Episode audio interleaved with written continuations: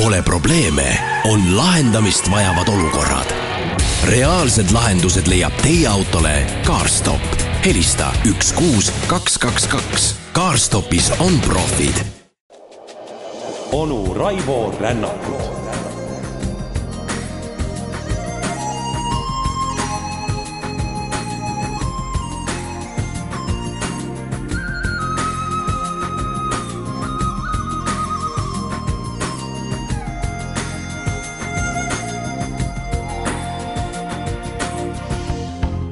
ja tere kaunist pühapäeva taas! oleme rändamas ennustuste radadel ning teisast jällegi mineviku omadel, sest käsitleme ju maailmakuulsa ja lausa legendaarse ennustaja Nostradamuse ettekuulutusi, mis paraku suuremalt jaolt on meile nii-öelda mineviku uudised, kuid huvitavad on nad sellegi poolest ning kui me eelmine kord jõudsime lausa kahekümne esimesse sajandisse, ehk siis kohe-kohe uksel olevate Prantsusmaa presidendivalimiste ja Nicolas Sarkozy juurde, siis sedapuhku läheme me aastasse tuhat viissada viiskümmend üheksa pangem tähele, et sel ajal on Nostradamus veel elus, kuid kirja on ta need sündmused pannud siiski mõnevõrra varem, kui need tõesti aset leidsid.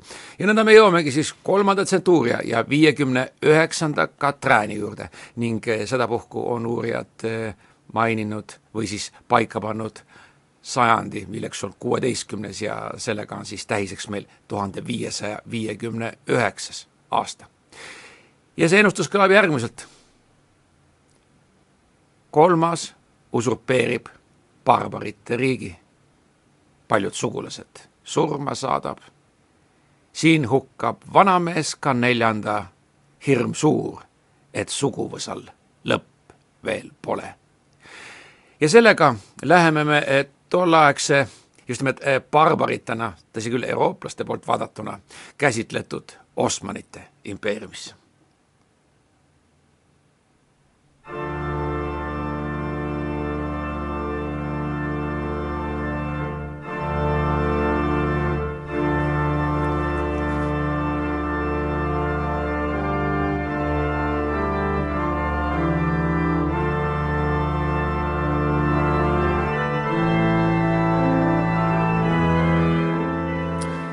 see impeerium ei ole sel hetkel veel jõudnud Viini väravate alla, kuid peale Konstantinoopoli ja Bütsantsi täielikku vallutamist otse loomulikult paisutab oma muskleid. ning ajalukku on läinud valitseja, keda nimetatakse ka Suleiman toredaks. otse loomulikult seoses tema luksusliku eluviisi ning ka riigi mõjukuse kasvuga ning siin mainitakse siis sugulaste surma saatmise all episoodi, kus Suleman Tore, uskuge või mitte, tappis oma esmasündinud poja. selleks, et eh, sellesama riigi päriksid tema lemmikkonkubiini ehk siis hetääri, ütleme siis maakeeli, armukese ning hilisema naise Hurrem sultaani pojad. tol hetkel ametlikult troonipärijana olnud eh, Mustafa, kes oli Sulemani esimese naise Gülbahar sultaani poeg ning eh, seaduslik eh, pärija. ning räägiti, et ta olla oma eluajal olnud lausa väljapaistev mees. hädavõrd, et isegi Austria suursaadik kirjutas tema kohta. andku jumal, et nii vägev barbar, siit siis ka see barbar esimesest reast, kunagi meile lähedale ei tuleks. ning Mustafa sai Sulemani käsul surnuks kägistatud ning mis veel hullem, lausa tema enda silmade all. ning veel on teada, et Mustafa poolvend Džihangir suri kõigest mõni kuu. Öeldakse, et kurvastuse tõttu nagu ka teised kaks poolvenda, kuid siinkohal otsekohe kerkib esile küsimus, kas pole mitte juhuslik või siis liialt juhuslik kokkusattumus. igatahes jäävad järgi kaks poega, Selim ja Bayazid, kes otse loomulikult alustavad omavahel võitlust. ning sellesamal tuhande viiesaja viiekümne üheksandal aastal alistas Selim lõpuks Bayazidi, kes koos oma nelja pojaga pidi lausa põgenema Iraani ehk siis pärslaste juurde. Ning veel on teada, et seejärel maksis Suleiman sellele samale Iraani valitsejale ehk Pärsia šahhile lausa tohutu rahasumma, et kõik need põgenikud ikkagi hukataks ja selle läbi vabaneks siis tee Selimile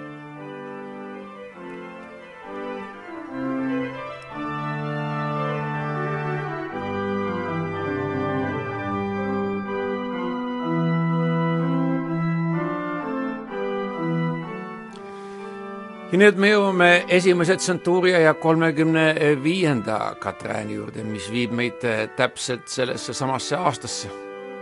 ehkki me oleme Euroopas ning eh, oma kõige esimeses eh, rännusaates, kus alustasime Nostradamusega rännakuid, me rääkisime.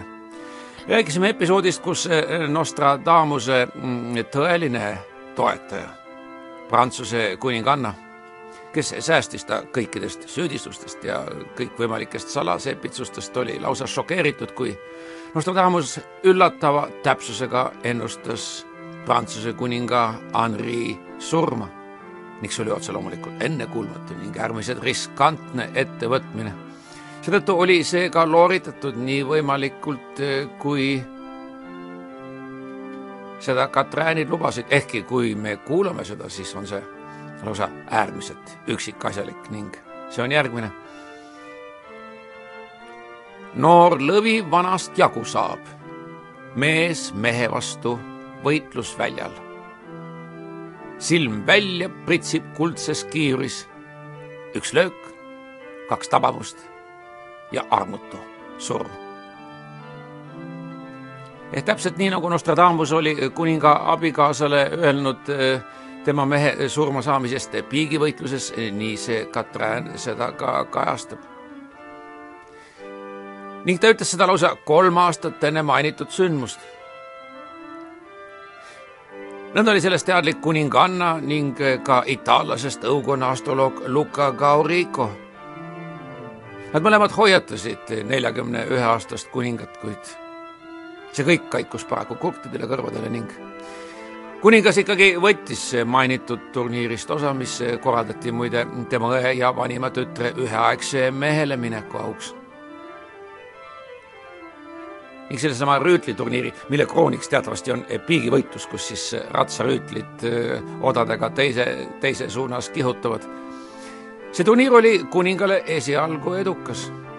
kaks päeva tiivustasid Henri'd ning nõnda kutsuski ta kolmandal päeval enda vastaseks välja Montgomery krahvi Gabriel de Lorge'i, oma Šoti kaardiväe kapteni. ning muide, Montgomery, kes oli kuningast mõni aasta noorem, täpselt siis kolmekümne viie aastane justkui aimas, et midagi võib juhtuda ning üritas viimasel hetkel oma piiki kõrvale juhtida ning teada on, et kõige rahkem, raskem on taatavasti tabada turniiril kiivrit ning tavaliselt purustatakse piigid just nimelt eh, kilbi suhtes. siis tegi Montgomery selle vältimissammu liialt hilja. piigitevarik takerdus Henri kiivri silmaarva serva külge see piik purustas visiiri ning tungis kuninga paremasse silma, oimukohast pisut kõrgemal. ning ehkki otsekohe saabus jaole ka õukonna ülemarst Ambroise Paré ning ka äh, Felipe kuulus anatoom Andreas Vesalius, siis nende ponistustest hoolimata Henri suri täpselt nii, nagu Nostradamus oli ennustanud kümnendal juulil tuhande viiesaja viiekümne üheksandal aastal.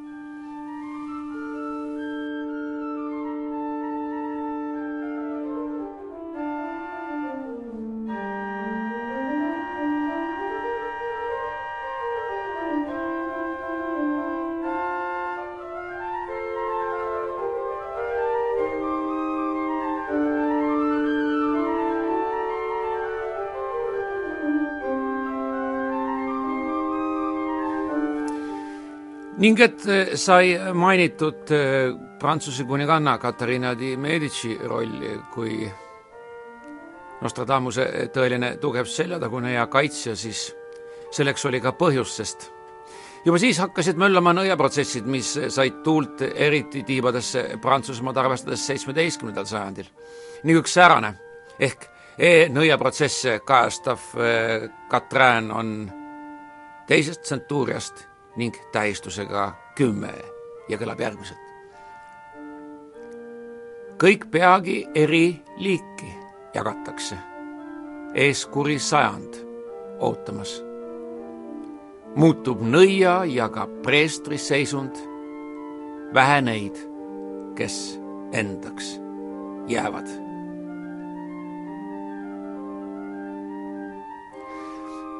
Kui vaadata selle Katrani prantsusekeelset pilti ning olgu veel kord siis mainitud, et Nostradamus oli teatavasti proventsaalane ning Provence'i keel erines mõnevõrra prantsuse omast, siis vana prantsuse sõna mask kus siis rida kõlab stade masque de seul bien chance. arvatakse, et see pärinebki vana proventsali sõnast masco ja see tähendabki ühiselt nõida. Nii kahtlemata oli Provence'ist pärit Nostradamusele eh, lausa nii-öelda oma kartuste läbi tuttav kogu see nõiaprotsesside rada, mis nagu öeldud, siis juba ka tema kodukohta nuhtlesid ning mis kulmineerusid järgmisel sajandil. aastaindeks ning eh, sõnade nõid ja preester seostamine, seda siis Katrani kolmandas reas, viibki meid E-N Provence'is toimunud protsessile, kus eh, lausa preestrit ehk siis eh, Padre Louis Gaufridid süüdistati, et ta on läkitanud saataneid sealsete püha Ursula ordu nunnade üle võimust võtma. ja nõnda mõistetigi see isa süüdi ning tema kallale loomulikult ajastu vaimus rakendati kõikvõimalikke kägistamispiinu, kui teda veeti kolmekümnendal aprillil tuhande kuuesaja üheteistkümnendal aastal köie otsas viis tundi mööda linna ning põletati seejärel tuleriidal. ning Nostradamus nimetas seda järgmist ehk siis seitsmeteistkümnendat sajandit, suri ta ju kuueteistkümnenda lõpul, täiesti õigustatult kurjaks sajandiks, sest et just siis vallanduski, nagu juba öeldud, Prantsusmaal, eriti ajavahemikul tuhat kuussada kuni tuhat kuussada kakskümmend viis lausa enneolematu nõiajaht. kusjuures iseäranis keskenduti preestrite ja nunnade suhetele. ning sellele seosele viidab ka eh, vana prantsuse väljend le seul, mis muide tähendabki tsölibaadis elavaid inimesi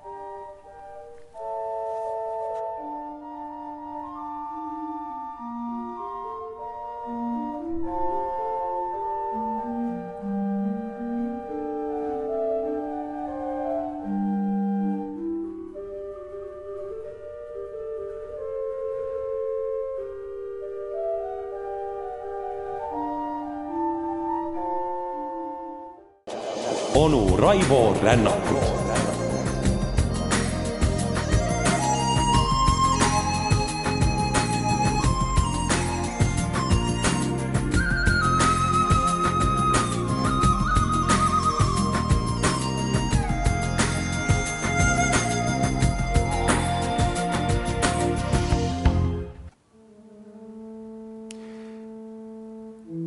ning järgmine üheksanda tsentuuri ja neljateistkümnes Katrin viib meid samasse aega, täpsemalt aastasse tuhat kuussada neliteist ning kõlab järgmiselt. nakatajad katlas höövlilaastude peal, vein, mesi ja õli katlas kolde kohal. kurjasepitsejad otsekohe sinna pannakse sisse, suitsus lämbusid seitse hukka ja uhal. kusjuures esimesel hetkel võiks tõesti mõelda piinamismeetodite ja jällegi nõiajahtidele, kuid tegemist on hoopiski säärase nähtusega, nagu seda olid katku levitajad. nimelt oli asjalugu järgmine, et üks kuulus katoliiklane ja Toulouse'i parlemaani ehk siis parlamendi, vaat kust säärane nimetus on tulnud selle kauaaegne liige Bernard de la Roche-Flavin kirjutas eh, juba kuueteistkümnendal sajandil, et katku edasiandmises süüdistatavad inimesed ehk katku levitajad tavaliselt põletati aeglasel tulel. ning on teada, et nii Toulouse'is kui ka Claremont'is märatses aastail tuhat kuussada kümme kuni tuhat kuussada kakskümmend äärmiselt äh, raske katkutaud. nagu muide üks iirlasest arst nimega Neil O'Glacken oma kuulsas teotes, teoses Tractatus de Peste seda ka üksikasjalikult kirjeldas. muide, seesama O'Glacken määrati hiljem sellesama Toulouse'i ülikooli meditsiiniõppetooli juhatajaks ning seejärel oli ta kogunisti kuninga enda korraliseks ihuarstiks, nii et mees tegi lausa hiilgavat karjääri ning kindlasti oli märkimisväärne meedik. Nõnda võibki öelda, et tagasivaates näib olevat üheselt selge, et Nostradamus kirjeldab oma raamatus midagi ka O'Glackeni katkuravimite sarnast ning seostab neid just nimelt nende piinamistega, mida de la Roche-Flamin omakorda taunis. nii et omamoodi on see Katrin tõesti imepärane ja olgu siis veel kord öeldud, et lausa imepäraselt prohvetlik, kui arvestada, kui tõsiselt suhtuti just nimelt selles Edela-Prantsusmaa regioonis katku levitamisse.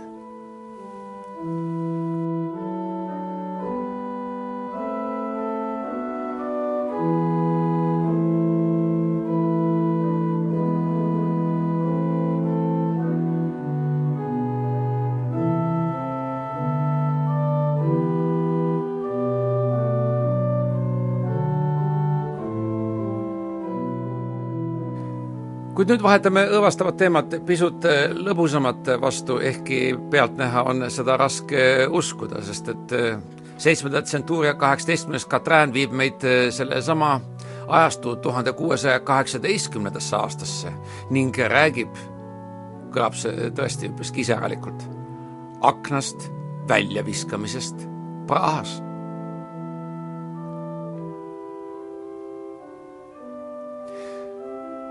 nii kõlab see siis eh, sedamoodi. sisse piiratud varjavad leppeid. seitse päeva hiljem algab julm väljatung.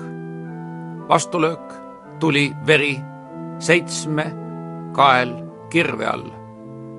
rahu sõlminud daam samuti vanglas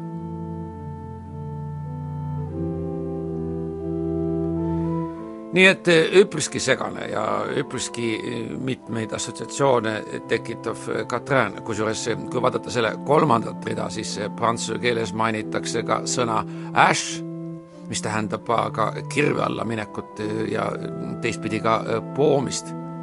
sealt siis ka see seitsme kael kirve all. kusjuures meie teises reas kõlanud julm väljatung viitabki Prahas kahekümne kolmandal mail tuhande kuuesaja kaheksateistkümnendal aastal toimunud aknast väljaviskamisele.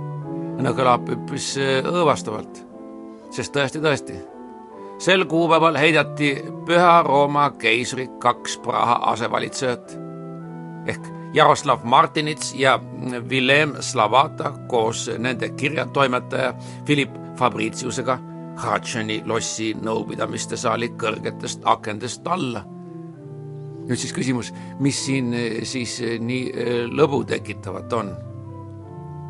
kuid põhjus on selles, et kõik kolm kukkusid sõnnikuhunnikusse ja jäid ellu. kusjuures seesama Philip Fabricius tõsteti hiljem lausa aadliseisusesse ning tema aadli nimi sai olema von Hohenfall mis siis saksa keeles tõlgituna viitabki, et tegemist oli nii-öelda von kõrgelt kukkunuga. huvitav on võib-olla märkida ka seda, et eh, ka varem ehk tuhande neljasaja üheksateistkümnendal aastal oli Prahas inimesi akendest välja visatud. tõsi küll, palju kurvemate seikadega, sest siis hukkus tervelt seitse linnanõukogu liiget sealt siis ka siis mainitud seitsme kael kirve all. Ning selle väidetava põhjustaja oli Neitsi Maarja lumel kirikus alanud hussiitide preestri juhitud protsessioon. on ju kõigile teada Jan Hus ja hussiitlik liikumine Tšehhimaal, mis tekitas tõelist peavalu kardinaliitlastele ja selle läbi Jan Hus ka kurvalt oma karjääri lõpetas. ning Nostradamus seobki oma Katräänis mõlemad sündmused ning toob esile ka ilmsed paralleelid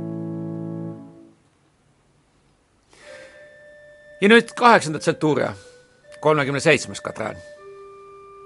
ning siinkohal me tuleme oma äh, selle sarja päris alguse juurde, kus sai äh, ikka ja jälle avaldatud imetlust, kuivõrd täpselt äh, nägi Nostradamus ette tulevikusündmust, mis oli lausa skandaalne selline, kui arvestada, et valitseja pea langeb hukkajate kirve all, ehk tegemist on siis Charles Esimese ja tema õõvastavad tulevikuga. ning Katrääni see on järgmine. kindlust Themsi kalda ligidal. Rõõm on vaadata, kui kuningas suletud sinna. ta särgiväel silla lähedal seisab. Üks varasem surm kantsist vangla siis saab.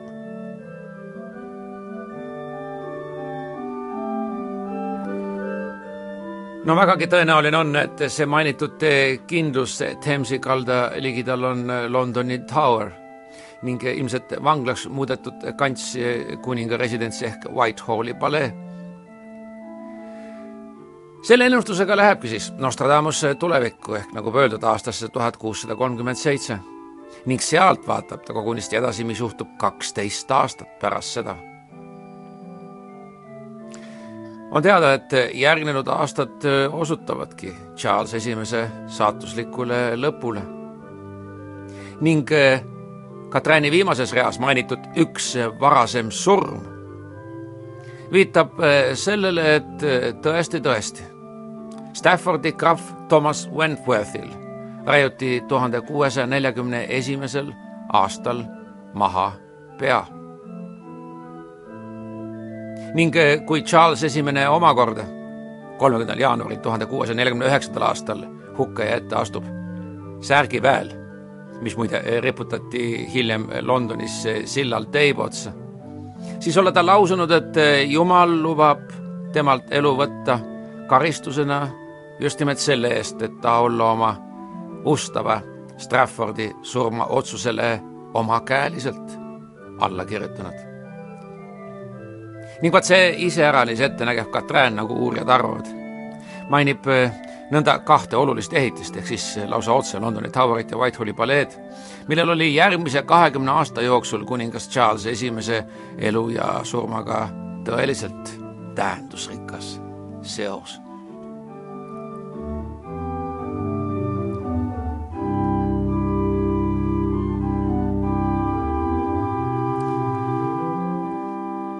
ning järgmise Katriniga me tuleme juba ka siis Charles Esimese hukkamise juurde.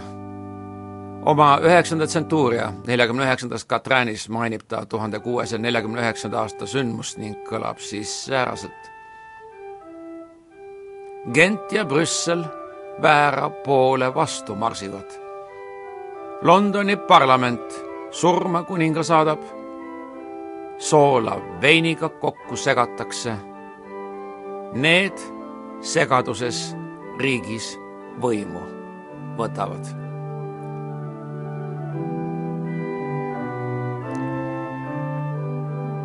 niisiis on selle Katrääni aastaindeksist nelikümmend üheksa.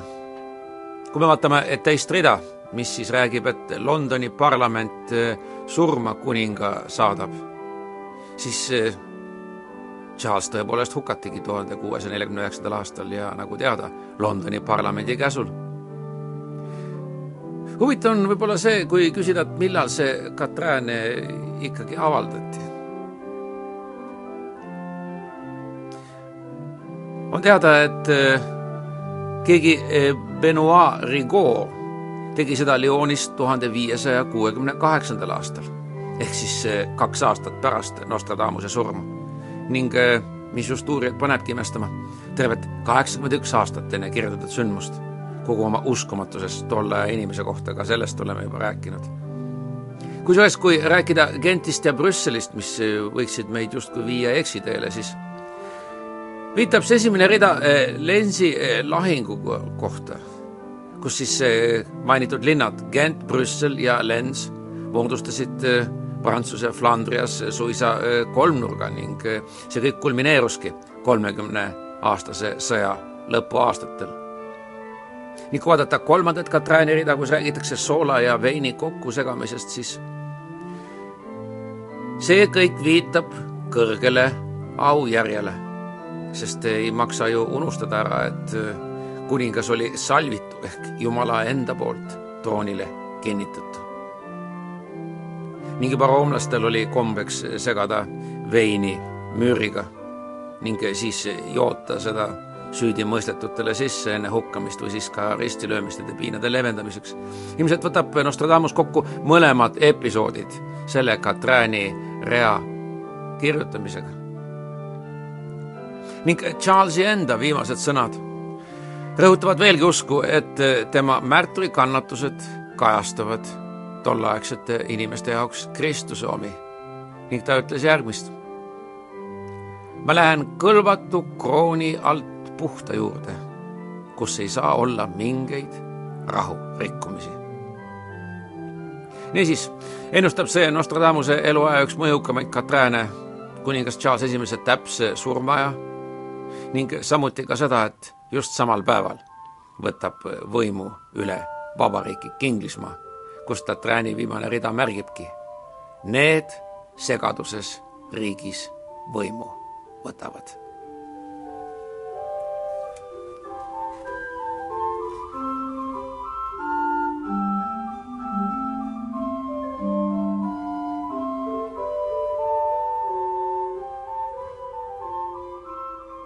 nüüd viies tsentuuria selle kaheksateistkümnes Katrään viivad meid aastasse tuhat seitsesada kaheksateist ning tunduvalt lähemale Maarjamaale ning need neli rida on järgmised.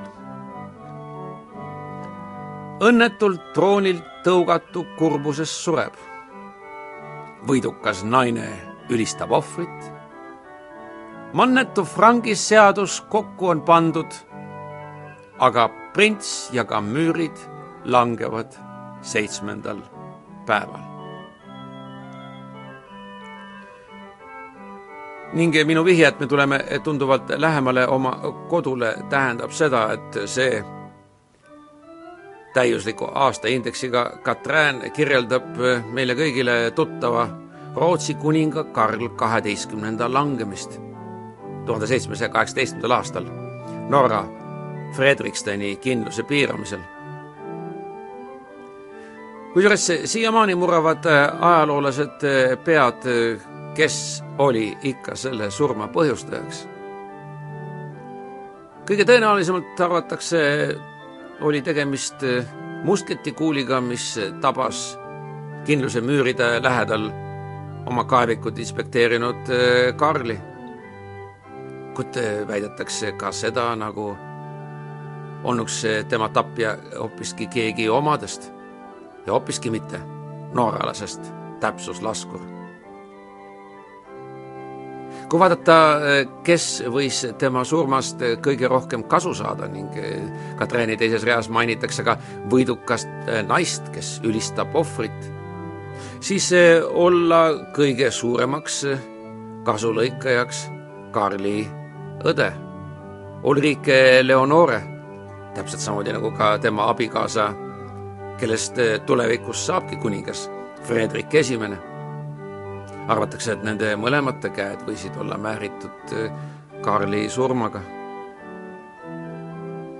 ent eh, Pfalz Zweibrückeni koda, mida Karl oli samuti valitsenud, nõudis nõndanimetatud mannetu frangi seaduse alusel esmansõnni õigusest lähtudes meessoost troonipärijat ning Karli nõbu Gustav Leopold sai nagu kord ja kohus ka trooni endale. nii et lausa jahmatavalt täpne Katrin, mis kirjeldab seda, kuidas Rootsi kuninga Karl kaheteistkümnenda õde Ulrike Leonore sai kasu oma venne enneaegsest surmast Fredriksteini kindluse piiramise ajal. vaat kuidas võivad hämmingus olevad ajaloo uurijad leida kinnitust sootuks säärasest valdkonnast.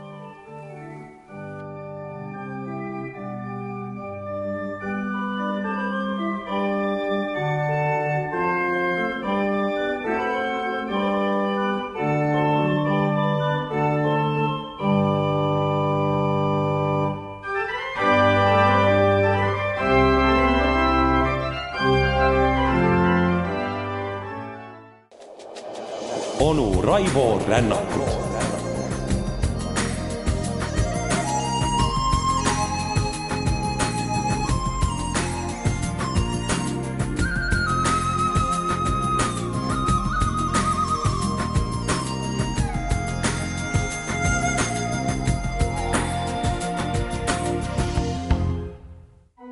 aga tuleme nüüd meie saate viimase eh, lõiguga tunduvalt eh, lähemale meie praegusele ajale.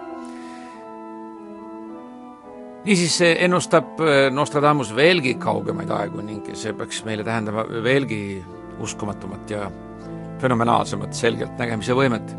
sest neljanda tsentuuria kuuekümne viies Katrin räägib ei millestki muust kui Ameerika presidendi Nick Lincolni mõrvamisest ja kõlab vaat nii. vägeva kindluse maha ta jättis, oma postilt ära läks. vastane ilmutas kõige vahvemat vaprust, kohutava saatusega keiser hukka mõisteti. ilmselt ajab segadusse see kohusava saatusega keiser, kuid nõnda just nimelt Nostradamus Lincolnit nimetab ning põhjus võib olla väga lihtne. Oma ajastu lapsena ta lihtsalt ei saanudki mõista nii-öelda presidendi institutsiooni kui sellist. ning mis puudutab akti, kus räägitakse hukka mõistmisest siis ilmselt oli tegemist meiegi poolt käsitletud konföderatsiooni kindrali Robert Lee armee alistumine Appomattoxi kohtumaja juures üheksandal aprillil tuhande kaheksasaja kuuekümne viiendal aastal, kus kogunisti vastasleeri võitlejad suurest austusest selle kindrali ees paljastasid oma pea. kuid ikkagi on kõige tähtsamaks sündmuseks see, mis juhtus viis päeva hiljem ehk neljateistkümnendal aprillil, muide, suurel reedel. kui kibestunud näitleja ja lõunariiklaste pooldaja, väidetavalt ka spioon, John Wilkes Booth, president Lincolni Washingtonis Fordi teatris mõrvas. just sel hetkel kui käis etendus, milleks oli Tom Taylori komöödia Our American Cousin ehk siis meie Ameerika nõbu ning toimus vaatajat kõige rõkatavam naerukoht. ning Booth ise põgenes seejärel Lincolni loosist karjudes ladinakeelse lause Sic semper tyrannis, mis tähendab, et nõnda saavad türannid teenitud tasu kinnivõtmise vältimiseks hüppas ta muide aknast tänavale ning murdis ka jalaluu ning paraku kaheteistkümne päeva pärast ta ka kinni võeti, täpsemalt küll hukati. ehk nõnda kirjeldati tema vastupanu osutamist ning sellele järgnenud järelmit. Ning Lincoln oli ka esimene mõrvatud USA president ning muide ka esimene, kes maeti sääraste auavalduste saatel, mis olid varem ainult keisritele ja kuningatele osaks saanud.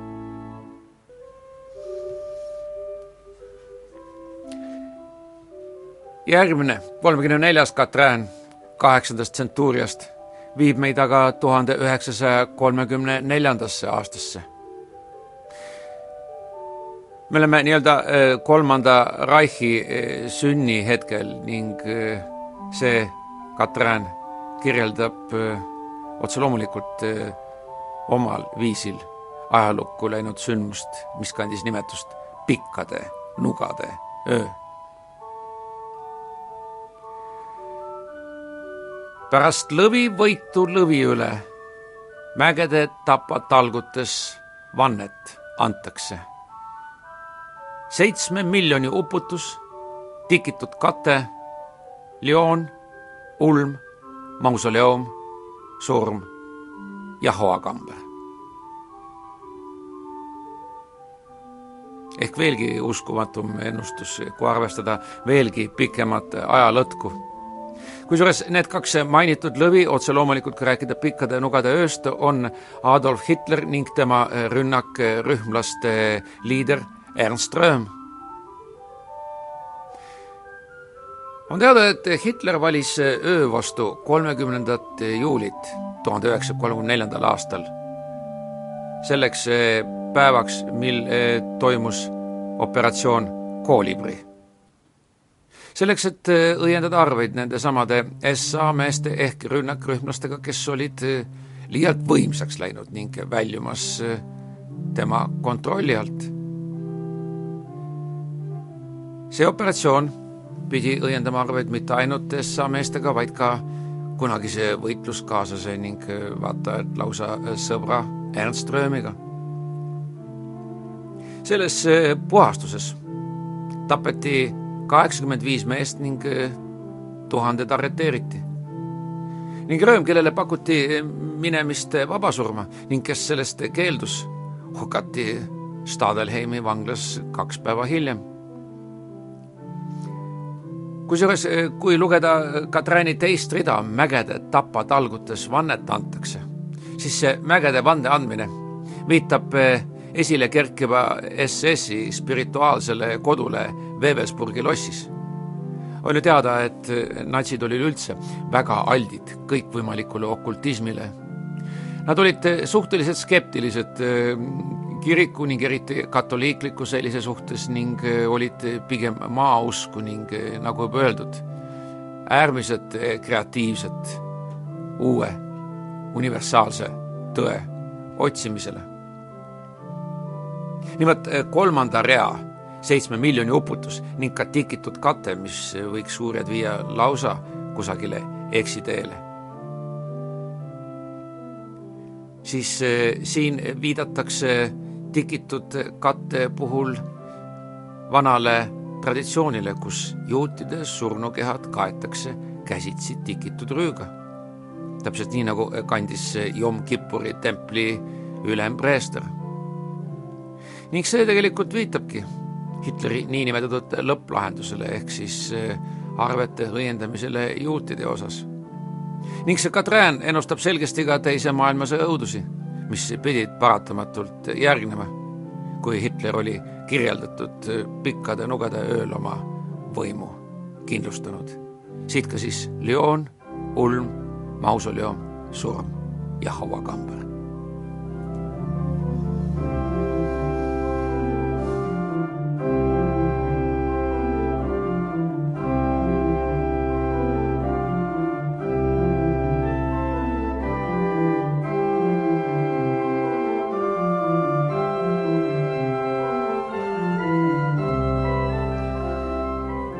Nüüd lähme hoopiski aastasse tuhat üheksasada kuuskümmend kaks.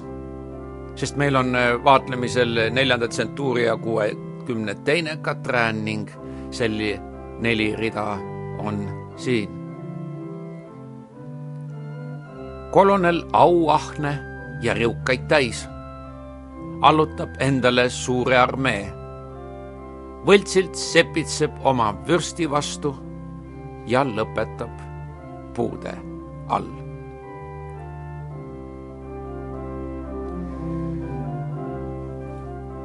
ning vaat see Katrin ennustab päris selgesti atendaadikatset kahekümne teisel augustil tuhande üheksasaja kuuekümne teisel aastal, kui püüti tappa tolleaegset Prantsuse presidenti Charles de Gaulle'i seda atentati hakati kavandama pärast seda, kui De Gaulle oli tuhande üheksasaja viiekümne üheksanda aasta septembris eh, taganenud oma esialgsest kavatsusest jätta Alžeeria Prantsusmaa lahutamatuks osaks. see oli tulem sellest, et Prantsuse relvad ei olnud võidukad Alžeeria ohjamisel ning otse loomulikult vihastas see Alžeeria valgeid koloniste ehk pied noire, nagu neid kutsuti. muide, ka kirjanik Camus kuulus nende hulka. Ning otse loomulikult nähti eh, Charles de Gaulle'is reeturit ning meest, kes oli ära teeninud eh, surma. kõikide nende atentaadiplaani haudujate hulka kuulusid eelkõige lisaks pienoaaridele ka Prantsuse sõjaväelased ehk Alžeeria kampaania veteranid. ning otse loomulikult oli kõikidel meeles ka tuhande üheksasaja viiekümne neljanda aasta alandus Prantsuse Indohiinas Dien Bien Phu lahingus, kus eh, Prantsuse relvad said lausa katastroofilise kaotuse osaliseks. see kõik ajendaski mõlema kampaania veterane looma organisatsiooni OAS ehk siis lahti seletatult l'Organisation de l'Armée Secrète. See on siis salajase armee organisatsioon ning siit ka seletus Katrääni teisele reale. allutab endale suure armee.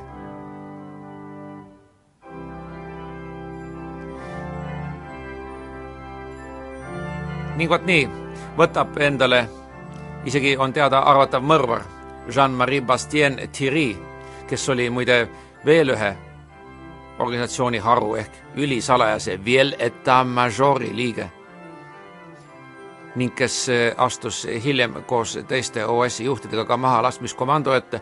tema üllitab eh, mainitud eh, mõrva atentaadi planeerimise ja ka läbiviimise.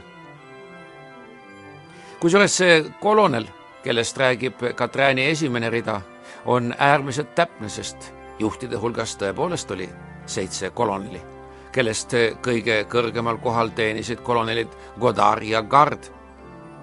ning ilmselt on paljudele kuulajatele juba need episoodid ka tuttavad. vähemalt mulle endale veel siis, kui Frederick Forsythi romaan Šaakali päev liikus ringi salajase käsikirjana ja otse loomulikult siis, kui loodi tuhande üheksasaja seitsmekümne kolmanda aasta samanimeline film ja võib-olla juba mitte nii täpselt neid sündmusi järgiv samanimeline filmi uus versioon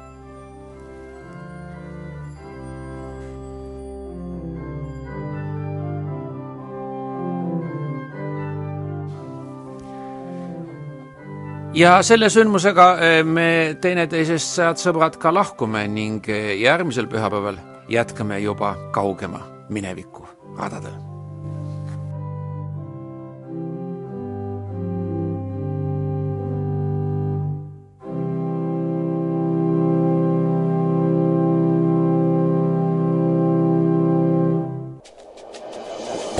Raivo Rännakut